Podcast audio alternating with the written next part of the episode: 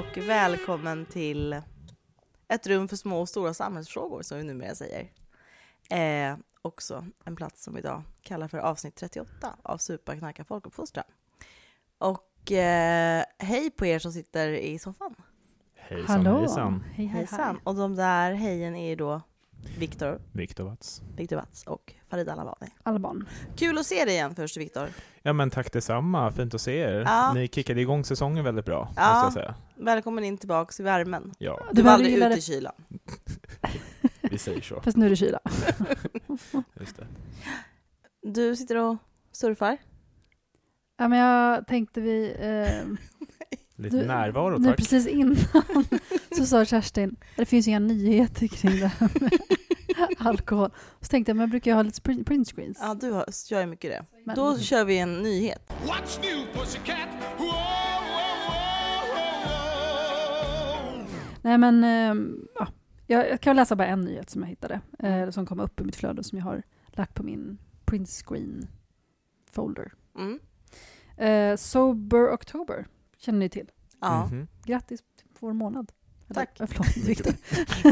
Oktoberfest som vi kallar det. Ja precis, menar ni Oktoberfest? Nej? Ja. Eh, Svenskan skriver, gör ett inlägg om det. Sober October kallas utmaningen i sociala medier. En vit månad kan börja ehm, eh, återställa kroppen. Men forskning är, forskningen är begränsad. Ehm, och några alkoholskador tar längre tid att läka. Lite som du vet att man tänker att så här, men nu ska jag eh, bara dricka juice för att eh, min kropp ska Klänsa återställas. sig, Klänsa sig. Liksom. Ja. man kanske tänker så här, alcohol cleanse. Att, ja. Ja, och du menar att det tar längre tid? För det tycker jag att det är, det där är man är väldigt indoktrinerad med liksom cigaretter. Att det ska vara väldigt fruktbart timme två, typ. Just Redan timme två börjar flimmerhåren. Ja, just alltså, är det det. inte så? För att främja folk att, att Alltså, bli... Ja.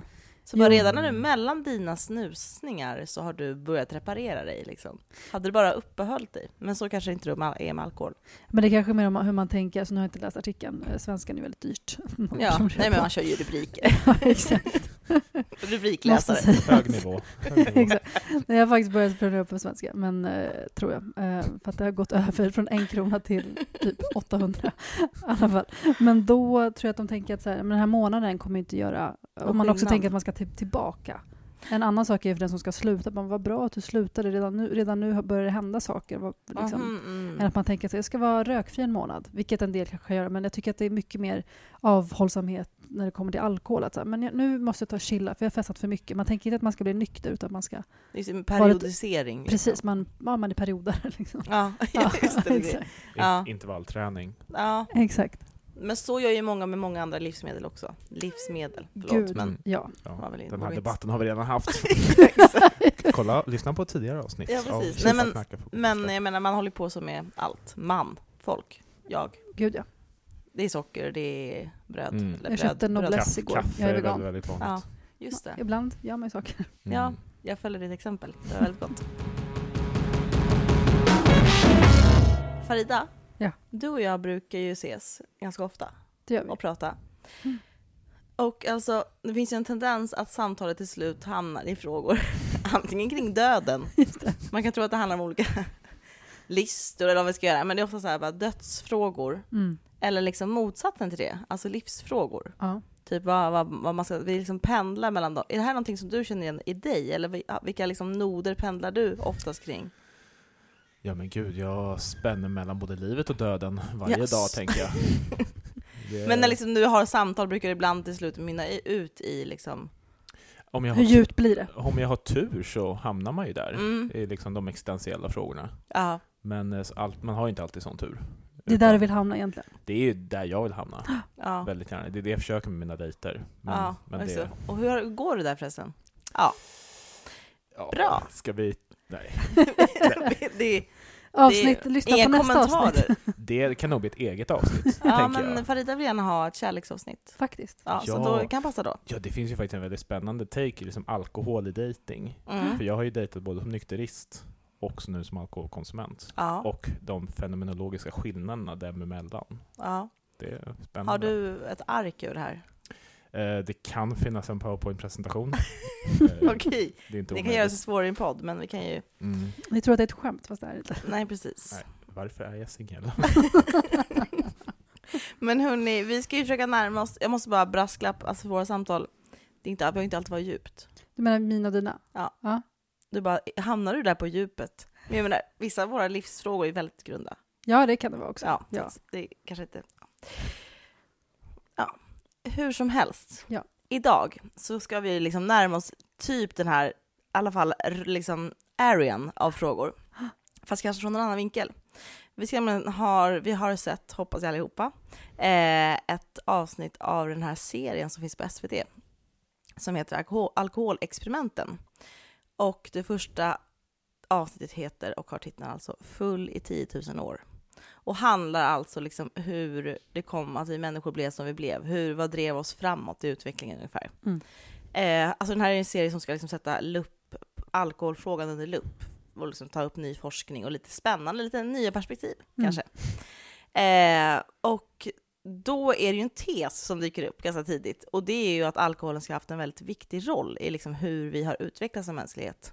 Att det kanske kunde ha varit det som liksom satte fart på de, hur vi har organiserat oss i städer och allt sånt där.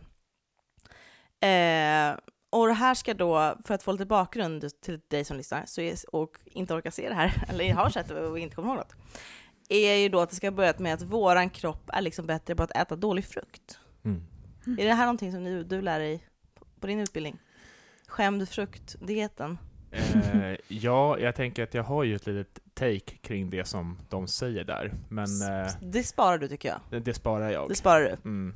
Gud vad spännande. Gud vad spännande. Någon från någon som kan något på riktigt. Viktor som alltid höjer nivån. Vi andra som bara, bara Viktor ska vara med idag. Det gäller att börja förbereda sig. Gud, ni, ska, Verkligen. ni ska få höra min bubblare sen, alltså den är riktigt. Ja, nu den- kommer jag ta din tid som du tog förra, eller för, förra avsnittet, du, du, du bara spann Mm. iväg. Det tio nerklippt kan jag säga.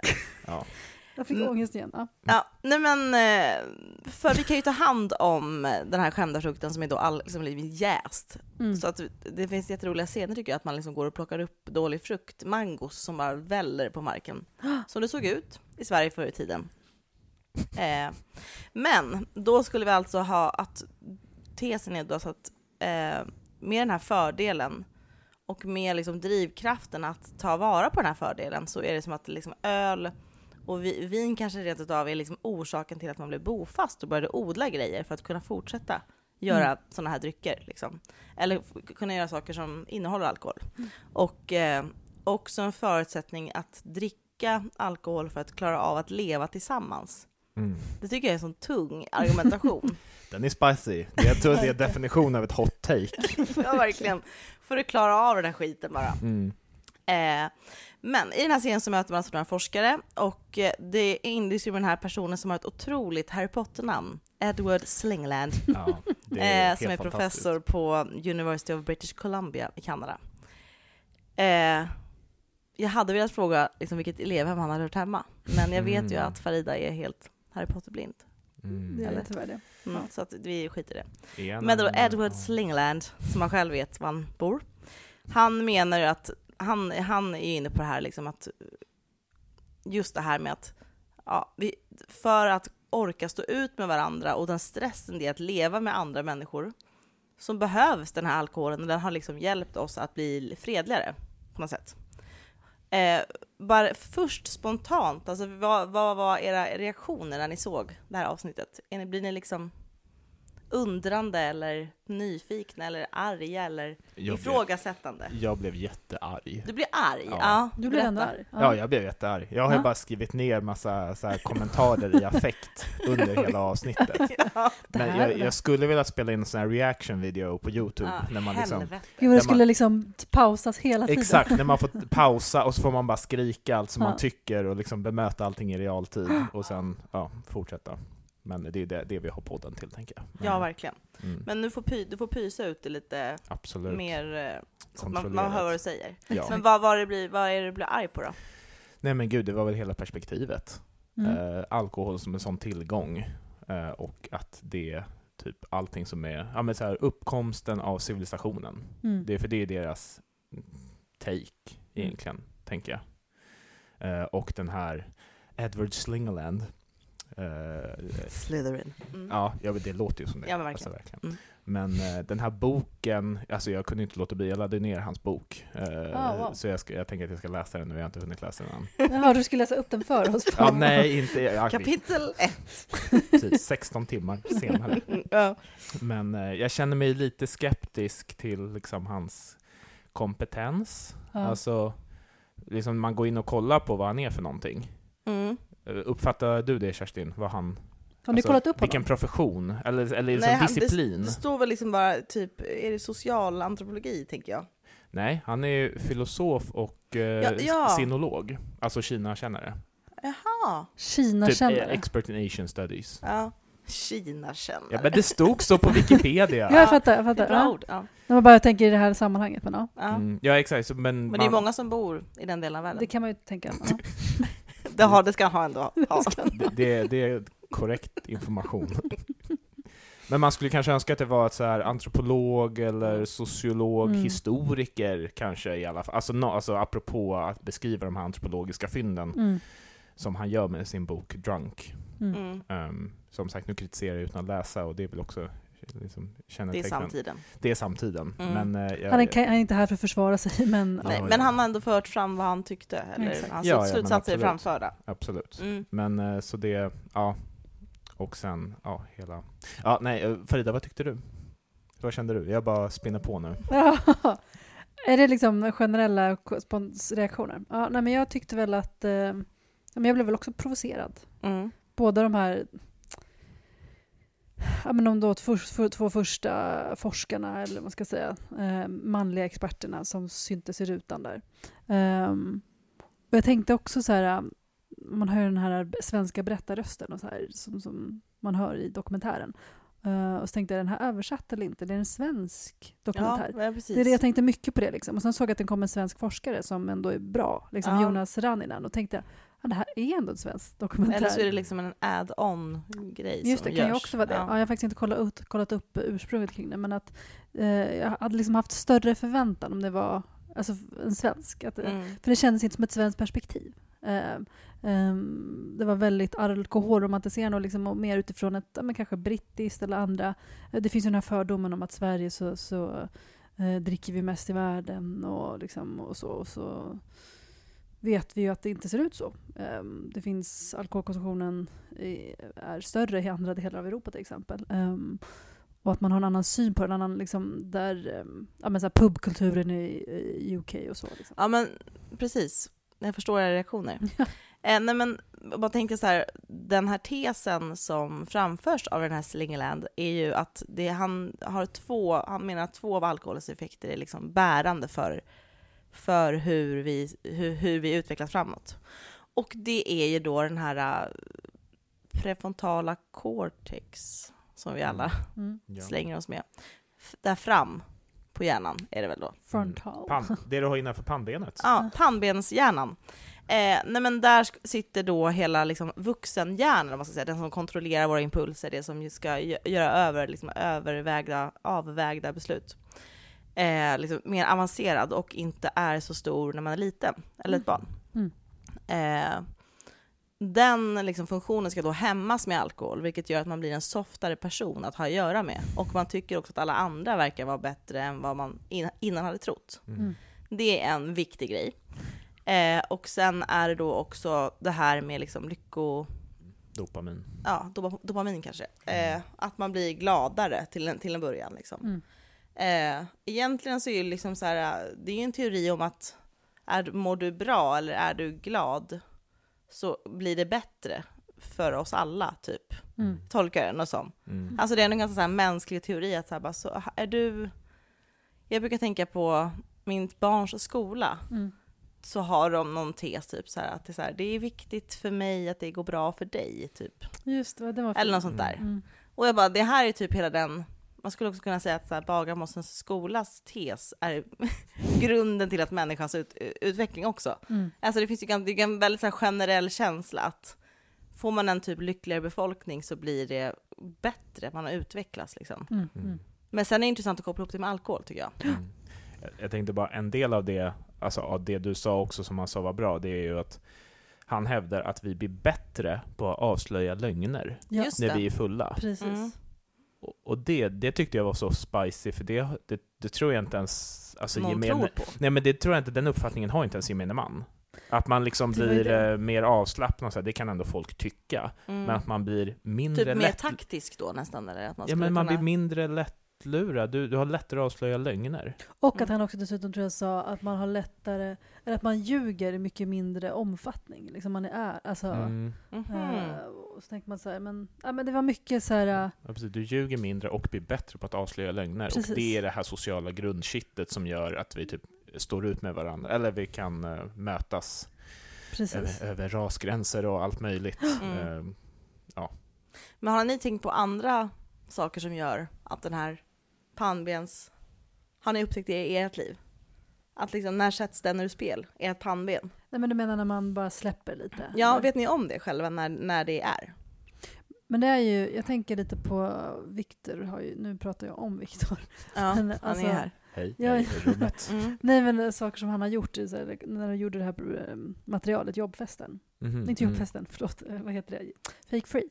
Just det. Mm. Ja, jag vet inte om du kommer gå in på det själv eller inte, eller om det har någon relation till det här. Men att Mm, mm, mm. eh, vilka föreställningar vi har, alltså vad som gör en fest. Som vi Mm. också har i vårt eh, ja, Just men det. material jobbfesten. Och att vilka föreställningar vi har när man kommer in i det. Och det, det behöver bli alla påverkade av. Det är inte bara drycken i sig, utan att när jag själv kommer in i ett sånt sammanhang där, där man vet att det är fest, så Mm. beter jag mig lite annorlunda.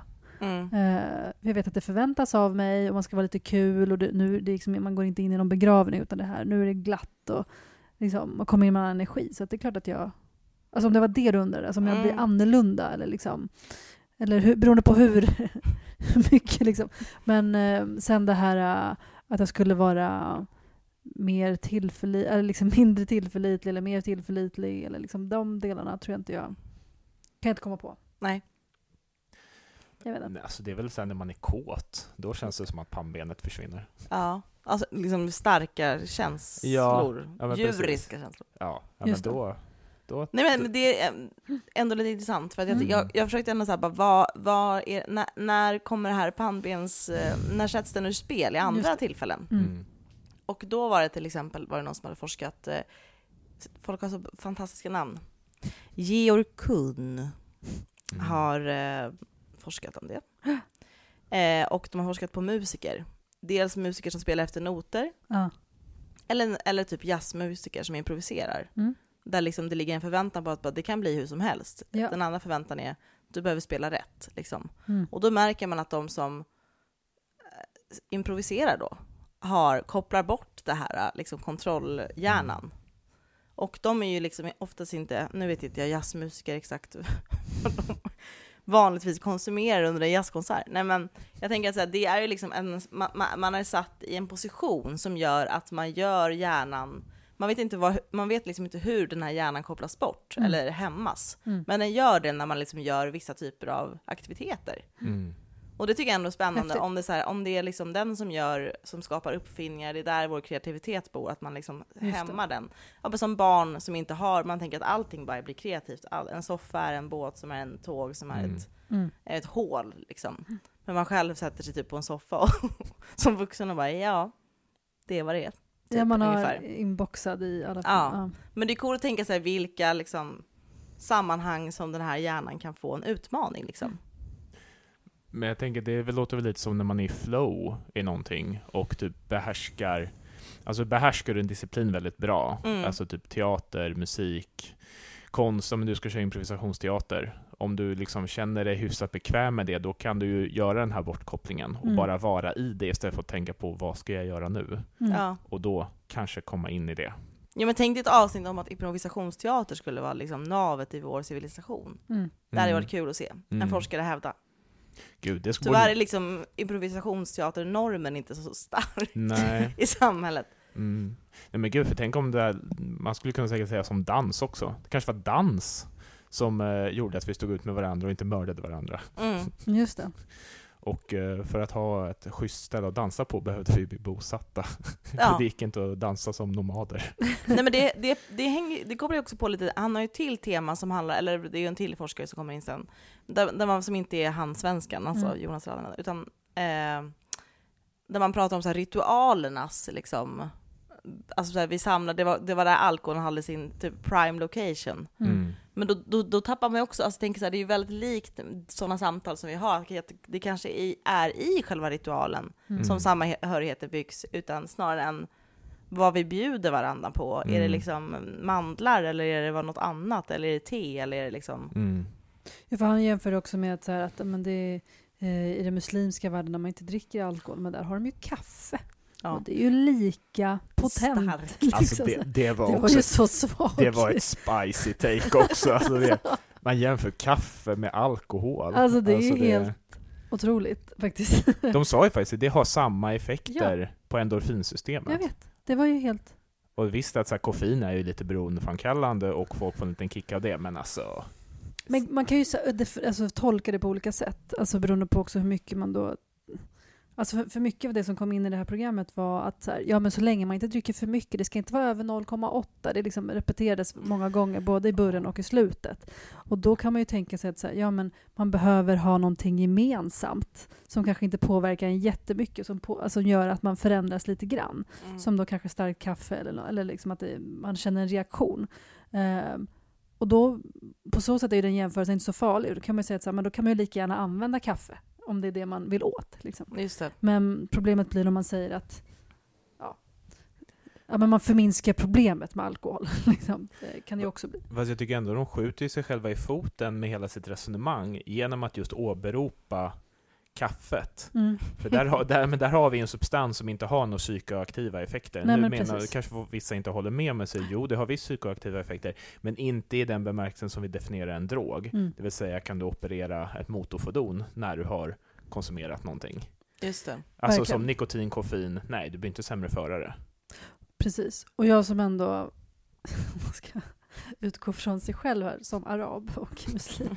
Alltså, när det dricks kaffe, som jag, jag har varit i sådana sammanhang, nu kan inte jag tala för hela arabvärlden eller muslimska Va? världen. Din familj. Men, men det dricks ju då, men det är ofta kokkaffe, så är det ju. Det är inte liksom filterkaffe som det kanske är här. Mm. Ehm, även fast filterkaffe blir liksom trendigare.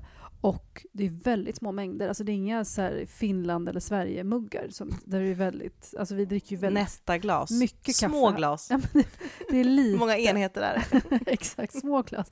Men små shottar av kaffe är det ju. Ja. Och kanske man tar en sån. Eller samma sak gäller ju te. Man dricker ju liksom starkt svart kaffe, eller te. Men det är ju också alltså, i små shotglas med mandlar liksom, och jättemycket socker. Alltså, det är ju typ mer effekt av sockret än självaste teet. Så jag vet inte riktigt hur, hur, ehm, ja, hur mycket bäring det där egentligen har. Det känns som att det, det tycker jag går som en röd tråd i hela den första halvan av det avsnittet, att de blandar ihop det som jag har pratat om tidigare med min bok och i avsnittet med dig Kerstin, när vi Mm. körde eh, skillnaden mellan alkoholnormen och alkoholkulturen. Mm, mm. De tillskriver mycket av de positiva effekterna av alkohol till, till normen, det vill säga substansen att Alkohol. Mm. dricka alkohol, Mm. medan det i själva verket handlar om kulturen. De har ju till och med den här pubstudien som de säger i början, att människor som går på pubbar, de mår bättre och har fler Mm. vänner än Mm. de som dricker hemma. På samma pub också var det ju. Mm. Ja, just det, på samma Det pub. blir ännu tydligare då på Mm. något sätt. Och då är det så här, ja, ja, det är inte så konstigt om du går till en plats och umgås med dina vänner. Mm. Så, så mår du bättre än någon som sitter hemma och är ensam. Ja, och det är så här, det spelar ju då ingen roll om det är kaffe. Alltså som de själva säger, Nej, nej, ja, araberna har kaffe. Mm. Alltså om vi, som de generaliserar. Nej, men exakt. Så det, och det är lite synd att de inte kan göra den grundläggande analysen, att liksom separera norm och kultur. Det är som typ en person jag hörde om förut, som, jag vet inte om det var typ att han hängde mycket på, någon man eller man som hängde mycket, det här kanske lite efterkonstruerat, men i alla fall, som hängde mycket på Barbro, nej inte Barbro, den här äh, Bio Rio-restaurangen. Var typ där varje dag i princip, liksom, när det var Mhm. öppet. Ja. Och så var det någon dag som han inte han var där. Och då hörde jag dem av sig och bara, hallå hur är det med honom? Han är inte här. Liksom. Det är klart att Mm. det skapar ju också att folk bryr sig om det. Det finns en så känsla av att eh, jag, jag tillhör någonting. Det finns ett... Relationer. Man, man har ju relation, man bygger Mm. relationer om man också återkommer till, har sitt stammisställe och så. Det är inte bara, men det, det är verkligen det sociala, liksom, inte själva drycken. Och här känns det som att vi kan cuea en sån här reklam för IOGT-NTO och Svenskt Föreningsliv. Vill du hitta ditt sammanhang? Exakt. Då är Sök det- till en svensk förening. Ja, Exakt. till exempel IOGT-NTO. Ja. Mm. Eller Svenska sällskapet för nykterhet och folkbildning. Eller någon annan Exakt, som har något annat på gång. precis. MHF. Why not? Ja, det är ganska så generaliserande, vilket man själv kan inte ens vara i och för sig. Men, Ja, ja, vi har en podd. Det är det det är till för. nej, men jag tänker så här, det finns ju många liksom, saker som, som slängs ut utan att förstå riktigt vad det, vart det har bäring någonstans. Ja, Mm. källorna. Källorna verkligen, fotnoterna. Men jag tänker också att det, det, det som ändå kommer in är att som, som eh, det känns som att man pratar väldigt mycket så här förhistorisk tid, Mm. när nu det slutar, jag vet inte när det Mm. slutar. Eh, I nutid kanske. Nej men, de pratar ju ändå också om man ska här, försöka försvara den här Slingerman då, lite grann, utan helt ta ner honom någonstans, är ju att han pratar ju om att så, här, bara, så fort det blir alkohol, alltså så fort man börjar bruka alkohol eh, utö, alltså ensam, eller att man har råd med egen alkohol, eller Mm. när man börjar dricka, alltså när mängderna, eller när starkspriten kommer, då Ja. förlorar hela den här effekten, alltså den här sammandragande samhällsutvecklingseffekten, den Mm. förlorar helt sin roll. Mm. Så att man lever ju liksom, för man kunde ju lätt tro att liksom även när han sitter, de här, de intervjuas ju, eh, den här svensken intervjuas ju i en juicebar, det är ju väldigt kul. Mm. Mm. Men alla andra intervjuas ju i någon vin, i- fin vin, liksom butik någonstans i ute i Europa. Eller en pub. En pub kanske. Ja, precis, eller en pub. Men eh, så man kan ju lä- lätt tro att de pratar om samtiden, men det är ju väldigt långt från samtiden de pratar. De pratar inte om en kommersiell liksom, alkoholindustri, eller de pratar inte om Exakt. så här Mm. väldigt hög alkoholhalt eller Mm. så här. Mm. Så att det kommer ju en ganska stor brasklapp mitt i att ja, nej, men det, det här gäller ju inte nu, att det skulle inte gynna någon nu eller Mm. det här var typ då när man hade sina ritualdanser och fick typ lite vin som någon hade gjort i något kärl ungefär. Mm. Och, det, och det var bra för oss. Liksom. Och det tar ju ännu mer udd av liksom. Mm. Nej, och jag tänker det, det var nog liksom det vidrigaste medelklassperspektivet jag liksom har sett på hur länge som helst. För det man säger är ju, så länge du dricker öl, vin och cider och Mm. gör det tillsammans med andra, då Just det. finns det inga problem Mm. med alkohol. Mm. Och det är så här... Ja, jag vet, jag vet inte vad jag ska säga. Nej men det, det är ju så konstigt. Och istället Mm. för att lyfta, lyfta perspektiv, perspektivet som du säger Kerstin, eh, problemet är kanske att vi har en alkoholindustri som kapitaliserar Mm. på det här och sprider det till alla världens hörn och promotar det här på alla sätt möjliga. Mm. Inte just att det finns drycker som innehåller lite mer alkohol. Det är inte liksom destillering Mm. som är problemet. Och så här, social kontroll också. Jag menar, hur många har inte blivit alkoholister för att man just går med på alla AVs? Mm. Alltså det är i det sociala sällskapet där man dricker. Mm.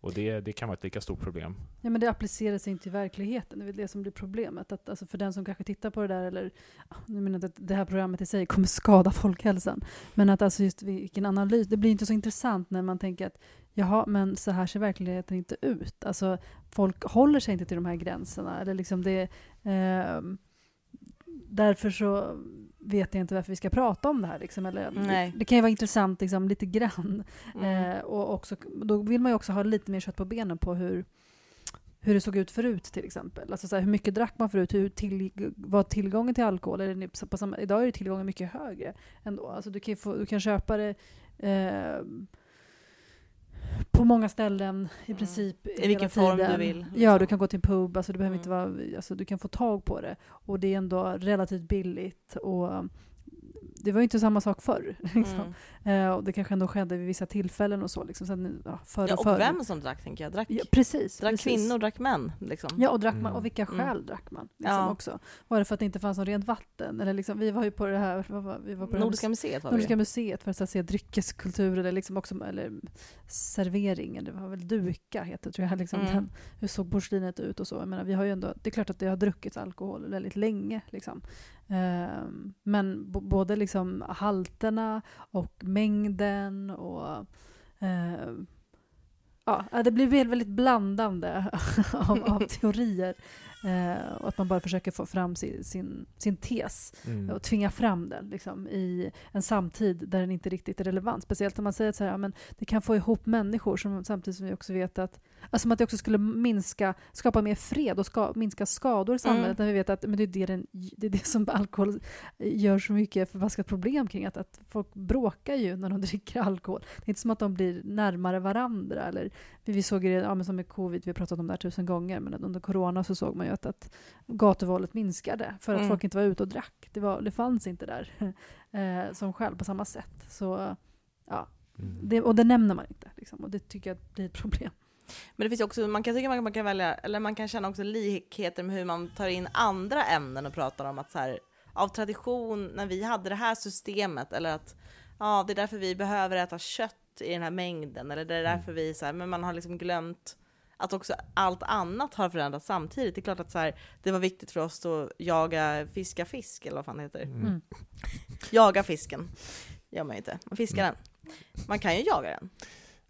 På grunda vatten. Ja, just det. Så gör ju en del, ja. Ja, just det. Så jag har rätt. Just det. Nej, men, men det är klart att det finns, att det var viktigt för att bli mätt liksom. Mm. Men man kan ju fortfarande ställa sig frågan till laxindustrin i Norge liksom. Precis. Det måste ju Mm. finnas någon liksom, Ja. jag vet inte. Det, vi, det, vi är ju ett väldigt moderniserat samhälle som Mm. är något helt annat Mm. än, Mm. är liksom också väldigt såklart kapitalistiskt styrt liksom. Mm. Mm. Det handlar inte om att bli mätt utan det handlar om någonting annat. Det handlar om Mm. att någon kanske också vill tjäna mer pengar på det. Ja. Men, det, det är ju också tidens tecken att det är ju väldigt populärt att åberopa evolutionen i så väldigt många sammanhang nu. Den trendar menar du? Ev- Evolutionen trendar ju. Mm. Och, eller just de evolutionsteoretiska argumenten. Alltså det finns ju, alltså man kan nästan ta så här valfri grej på Google och så bara, det här var uppkomsten till civilisationen. Mhm. Ja men, så här, ja, men länge pratade man om att ja, men det var kött som fick oss och det gjorde Just att det. vi blev människor. Och. Och sen var det, nej men det var elden, för då kunde vi koka våra rotsaker, eller så här, mm, tillaga dem, och var tillagningen, det var det som gjorde Mm. att vi blev det. Och sen, nej men det var att vi kunde, vi kunde springa så mycket, att vi, för då kunde Vi vi är så ja, otröttliga. ja, som det finns, och nu alkoholen, det var det som gjorde civilisationen. Mm. Alltså det är så trendigt att plocka upp att det var en enskild sak som gjorde att vi blev människor så som vi känner det idag. Mm. Och, och igen då, bara, förlåt. Säg. Och det spelar ändå ingen roll. Det kan ju vara så att det är det. Och Ja exakt, idag, det, det har ingen... dessutom, Det har ingen är det inte det. Det klassiska högstadieargumentationen. Mm. Men lite och. Jag tänker att det är som att gå till Spritmuseet skulle man kunna gå till, som, som är ett industriägt museum. Liksom. Det är ju vodka som har det museet, Mm. liksom. det är inte som bara staten. Och när man går där så är ju industrin inte närvarande på något sätt. Det är mer kultur, historia, spännande. Att så här, människan eh, har hållit på med det här och den kan fortsätta med det och det är liksom någonting som är självklart i våra liv. Och det är också det som, blir, ja, som du beskriver så väl, att i det här programmet så är det som att industrin inte är existerar inte. Det är som att man bara Mm. pratar om alkohol som en... Man är kvar på savannen typ, fast man Exakt. bor i sin Mm. lägenhet byggt av ett företag. Exakt. Men om man tänker då att det trendar både evolutionsteorier, eller vad som driver vår utveckling framåt, och om man tänker då att man ska inte försöka gå in i det här tänket, Mm. att alkoholen då skulle ha varit en fredsskapande, utvecklingsfrämjande, liksom eh, människonärmande företeelse i vissa länder, uppenbarligen då, Mm. inte överallt. Vad, uppenbarligen har det där inte gått så bra då, eftersom sedan 1800-talet eller vad det är, så har ju det har ju druckits på ett annat sätt än vad man gjorde när man dansade ute på fältet liksom, i sina ritualer. Eh, vad, är då det ny, vad är då den nya produkten som, är, som har den här liksom, effekten på samhället? Finns den? Förstår ni? Vilken är den nya alkoholen? Vilken är den liksom freds... Finns det någonting fredsbringande att bruka tillsammans? Är det inte typ psykedelika som folk håller på med? Som de försöker få till det till? Mm. Att det ska vara det? Alltså Ja. att, det ska, att man ska äh, ta sin svamp tillsammans och bara Ja, få, gud. få sin tripp och Och både lung, ångestdämp- ångestdämpande men också så här Mm. pannbensgrejen. Att, att Mm. känna att man kommer någon annanstans och att det kan vara kreativt och eh, släppa hämningar lite. Ehm, det känns väl som att det tyvärr skulle kunna vara nästa grej för vissa. Eller det, är inte, det är ju redan, ja, i vissa delar av världen har ju redan det vuxit liksom, och andra har det ju funnits. Det är ingen ny sak. Liksom så. Ehm, men det tror jag kan... Eftersom att också alkoholens effekter och konsekvenser har ju mer och mer blivit kända att de inte är så, så stora. Positiva. Ja, det är som att Mm. den, den där kommentaren har jag missat det. Men i alla fall. Ehm, och då ehm, kanske folk söker till annat. Eller man kanske också känner att nu har vi kört det här ett tag, jag måste ha något annat som kanske på riktigt har någon effekt eller som man ha- har förhoppningar till. Mm. Där jag tror att många har förhoppningar till psykedelika och svamp och så. Vad tror du då, Viktor?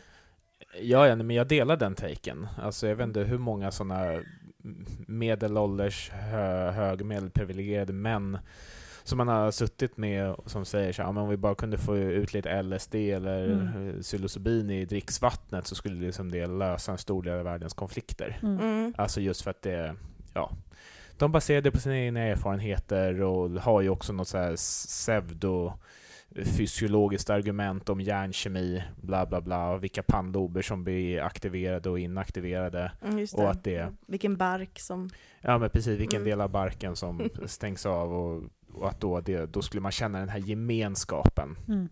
Eh, liksom det, det, freudianska kollektiva medvetandet som bara skulle väckas till liv och vi skulle bara se varandra som en art, en enhet. Mm. Eh, ja, men lite kanske om man beskriver astronauterna när de kommer ut, den här jordeffekten. Alltså när man ser jorden från rymden Mm, och att det okej. liksom förändrar deras... eh, Perspektivet blir något annat. ja, Liksom. men de får en annan känslomässig Mm. upplevelse. Mm. Mm. Ungefär så som vissa andra beskriver eh, effekten av psykedelika. Mm. Eller att bli frälst. Ja, precis. Det Jag kan tänker att också det ligger vara. väldigt nära till hands. Jo, precis. Där brukar ofta även finnas rätt hårda linjer om vilka som får inkluderas i gemenskapen och ja, det inte. är så. Ja men typ Jehovas vittnen, det är de där 144 000 som får komma till himlen, sen så resten, Just det. det, det är lite oklart hur de ska ta vägen. Men det finns andra samfund, ska vi också säga. Det är inte Just bara... det. Men det är dit folk går, kanske vissa som inte kan fortsätta med, Eh, med sitt beroende kring alkohol eller så. Och en del som söker sig då till religiösa samfund, eller en del blir ju fundamentalistiska till och med och så, för att de ja, tror så starkt på någonting och, och blir väldigt bokstavstrogna och så kan det också bli. Mm. Eh, så absolut tror jag religionen kan vara en del eh, för vissa. Och det kan ju vara jättebra. Alltså, så, absolut. ja, metoden bygger ju delvis på Verkligen, vissa liksom, för religiösa grunder, liksom, och det hjälper ju jättemånga. Verkligen. Så det- Och de verkar må bra också enligt studier, alltså om man kollar på hur religiösa Tydligen är- alla som går i kyrkan en gång i veckan. Och till samma kyrka. Mm. Exakt, Just det. Nej, men det, det finns finns att, att likheter. religiösa har ju ett högre levnads... eh, De, vad heter det, en högre livskvalitet än, än andra. Man ser sig själv som troende. Eh, Och det är kanske för att man också på olika sätt lägger sin... eh, man har kanske högre framtidstro och också att inte tänker att ah, det här är allt. Det finns ju ett annat liv och, och sådär. Ehm, så, ja, Det kan komma något bättre. precis. Hur som helst, det är dags för veckans bubblare.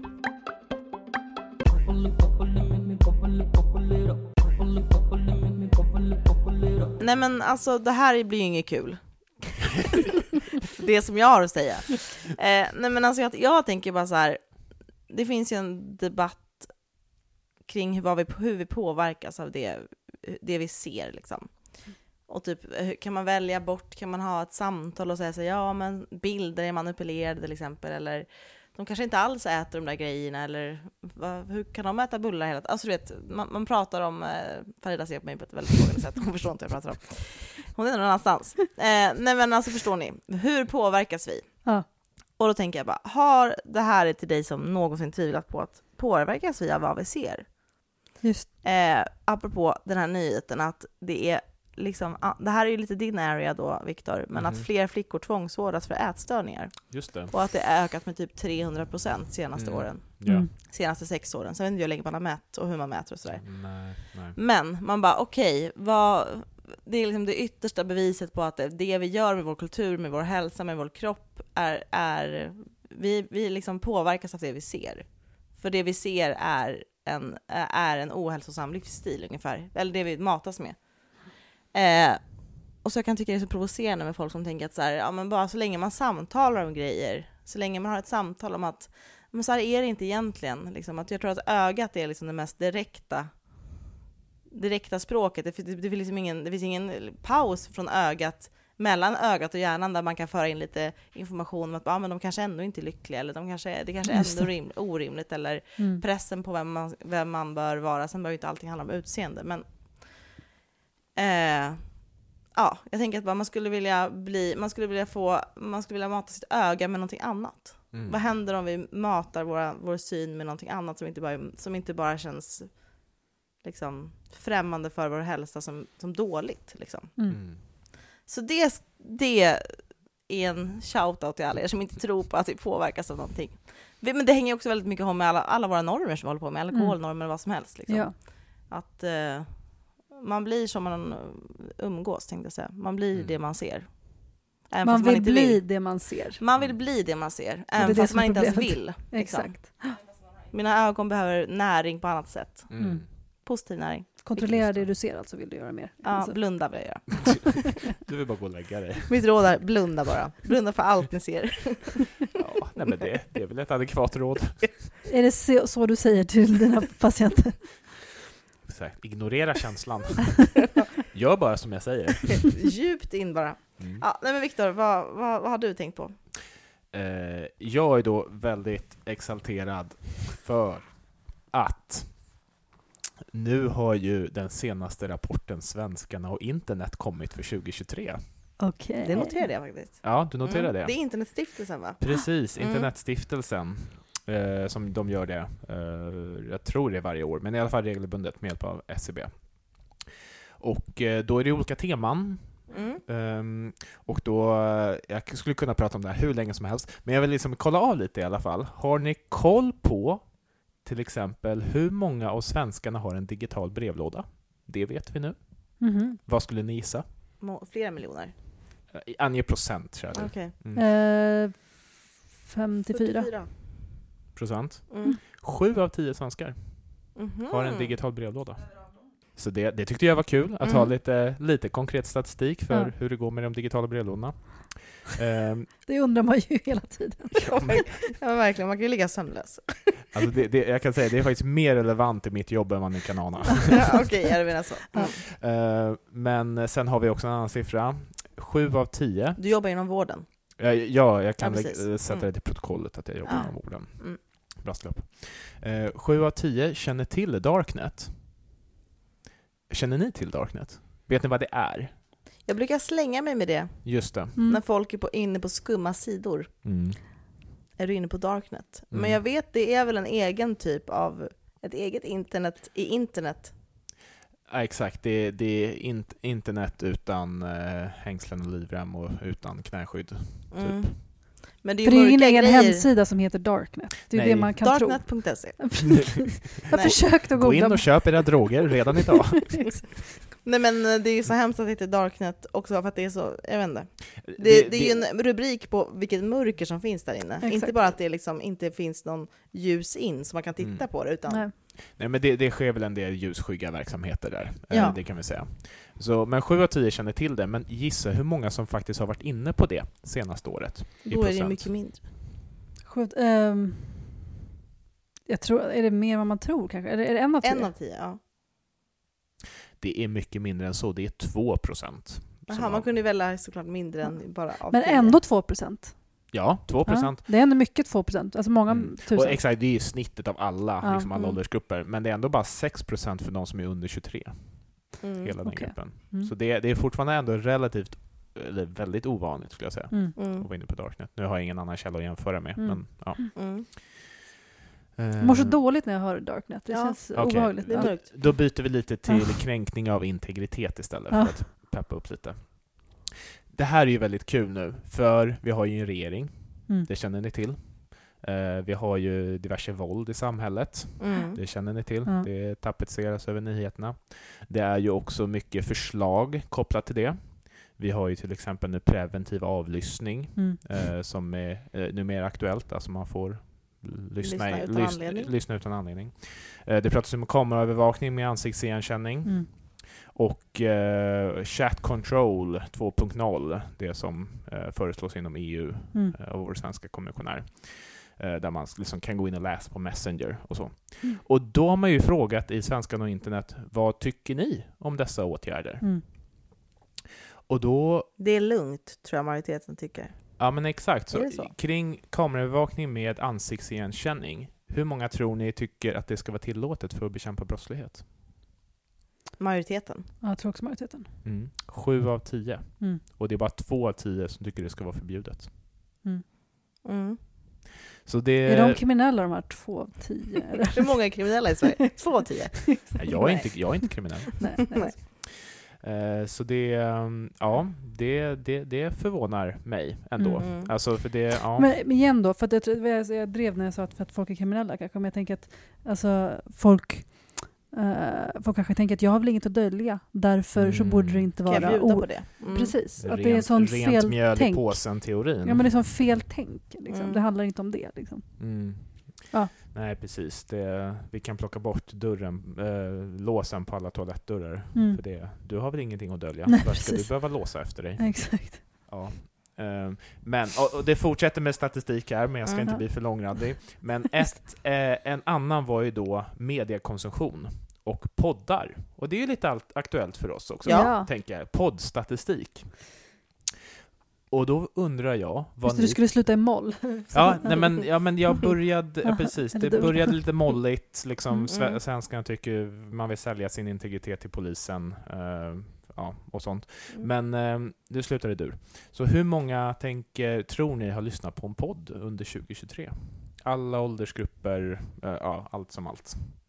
80 procent. Kerstin? Ja. Om inte mer. Ehm, det är faktiskt bara fem av tio. Nej, Är det sant. sant? Ja.